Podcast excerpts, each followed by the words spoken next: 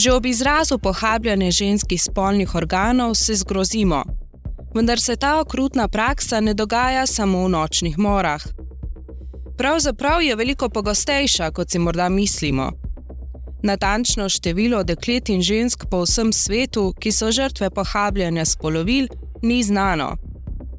UNICEF na podlagi dostopnih podatkov o razširjenosti te prakse ocenjuje, da je bilo v 31 državah obrezanih vsaj 200 milijonov deklet in žensk. Število novih žrtev naj bi se vsako leto povečalo za 4 milijone. Poslušate program Novi izzivi, boljša zakonodaja. V tej epizodi bomo izvedeli več o pohabljanju ženskih spolnih organov, o krutni praksi, ki jo želi Evropski parlament izkoreniniti.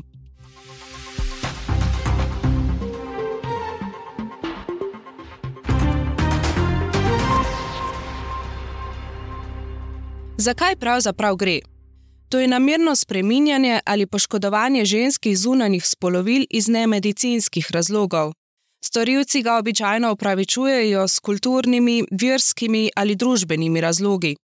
Žrtve so običajno deklice in dekleta do 15. leta. Ta praksa nima nikakršnih koristi za zdravje in dobro počutje. Ravno nasprotno, prinese lahko resne takojšnje in dolgoročne posledice. To vrstno pohabljanje najpogosteje izvajajo v Afriki, v nekaterih državah Bližnjega vzhoda in ponekod v Aziji. Dogajalo pa naj bi se tudi bližje, kot si morda mislimo, saj so žrtve ali potencijalne žrtve odkrili v vsaj 16 državah članicah Unije. O številu primerov v Evropi žal nimamo uradnih statističnih podatkov. Vemo pa, da so milijoni deklet še vedno ogroženi. Razširjenost pohabljanja ženskih spolnih organov v zadnjih 30 letih v nekaterih državah sicer upada, a ne povsod in ne enako hitro. Združeni narodi so to prakso opredelili kot škodljivo in jo želijo do leta 2030 popolnoma izkoreniniti. Zato so 6. februar razglasili za mednarodni dan ničelne strpnosti do pohabljanja ženskih spolovil, ko si prizadevajo tudi za ozaveščanje o tem pojavu. Združenim narodom se je v tem boju pridružil svet Evrope. Ta je leta 2017 sprejel Istanbulsko konvencijo o preprečevanju nasilja nad ženskami ter boju proti njemu. To je prva mednarodna pogodba, ki priznava, da pohabljanje ženskih spolnih organov obstaja tudi v Evropi. Veljati je začela 1. oktober 2023, določa pa nekatere obveznosti za preprečevanje in odpravljanje te prakse ter podporo žrtvam kaj je v zvezi s tem na zakonodajnem in političnem področju dosegla Unija in kakšni so njeni načrti. Politika Evropske unije glede pohabljanja ženskih spolnih organov je nedvoumna. Gre za zlorabo otrok in nasilje na podlagi spola, kar želi Unija izkoreniniti. Poleg tega je v nasprotju z več človekovimi pravicami, vključno s pravico do zdravja, pravico do življenja brez mučenja in drugega krutega, nečloveškega ali poniževalnega ravnanja, ter pravico do življenja, saj lahko žrtve te prakse celo umrejo. Te temeljne človekove pravice so zapisane tudi v listini Evropske unije o temeljnih pravicah. Zaradi migracije to škodljivo prakso še težje spremljati, V državah članicah vsako leto za azil zaprosi okoli 20 tisoč žensk in deklet iz držav, kjer se to vrstno pohabljanje izvaja.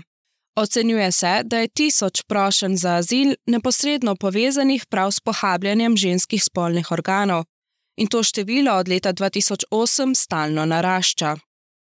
V Evropski direktivi o pogojih za sprejem migrantov, ki izredno upošteva ranljivost žrtev, so med najbolj ranljivimi prosilci za azil omenjene ravno žrtve pohabljanja spolnih organov.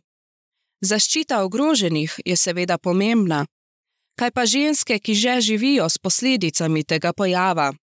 Evropske unije k zaščiti žensk pred nasiljem sicer izredno še ne zavezuje nobeno pravno orodje. Na več področjih pa vendarle obstajajo ustrezni pravni instrumenti za to. Tako je bila na primer z direktivo o pravicah žrtev uzakonjena obvezna podpora žrtvam nasilja, kar vključuje tudi žrtve pohabljanja ženskih spolnih organov. Končni cilj tega akta je polnomočenje skupnosti prek dolgoročnih in trajnih kulturnih sprememb. To je tudi edini način za dokončno odpravo te prakse. Unija sicer ukrepe proti pohabljanju ženskih spolnih organov uvaja v vsa področja, vendar so za odpravljanje te prakse odgovorne posamezne države. To še najbolj drži za sodno preganjanje storilcev.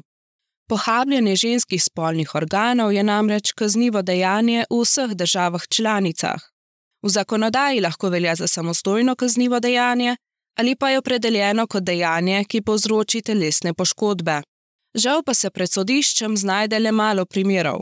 Evropski parlament si od leta 2001 prizadeva za pregon teh kaznjivih dejanj in je pri tem dosegel precejšen napredek. Unija se je namreč odločila, da bo državam članicam pomagala pri pregonu storilcev. Parlament, zlasti njegov odbor za pravice žensk in enakost spolov, je odigral ključno vlogo pri tem, da se je pohabljanje ženskih spolnih organov znašlo na vrhu mednarodne agende. Da bi to prakso do leta 2030 izkorenili, je treba ukrepati na tri načine: s preprečevanjem, zaščito in sodnim pregonom. Pred nami je še dolga pot. Tudi sporočilo je jasno: pohabljanje ženskih spolnih organov ne bomo dopustili.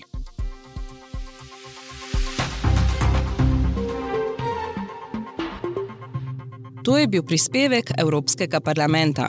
Več podkastov je na voljo na radiju Europarl, spletnem radiju Evropskega parlamenta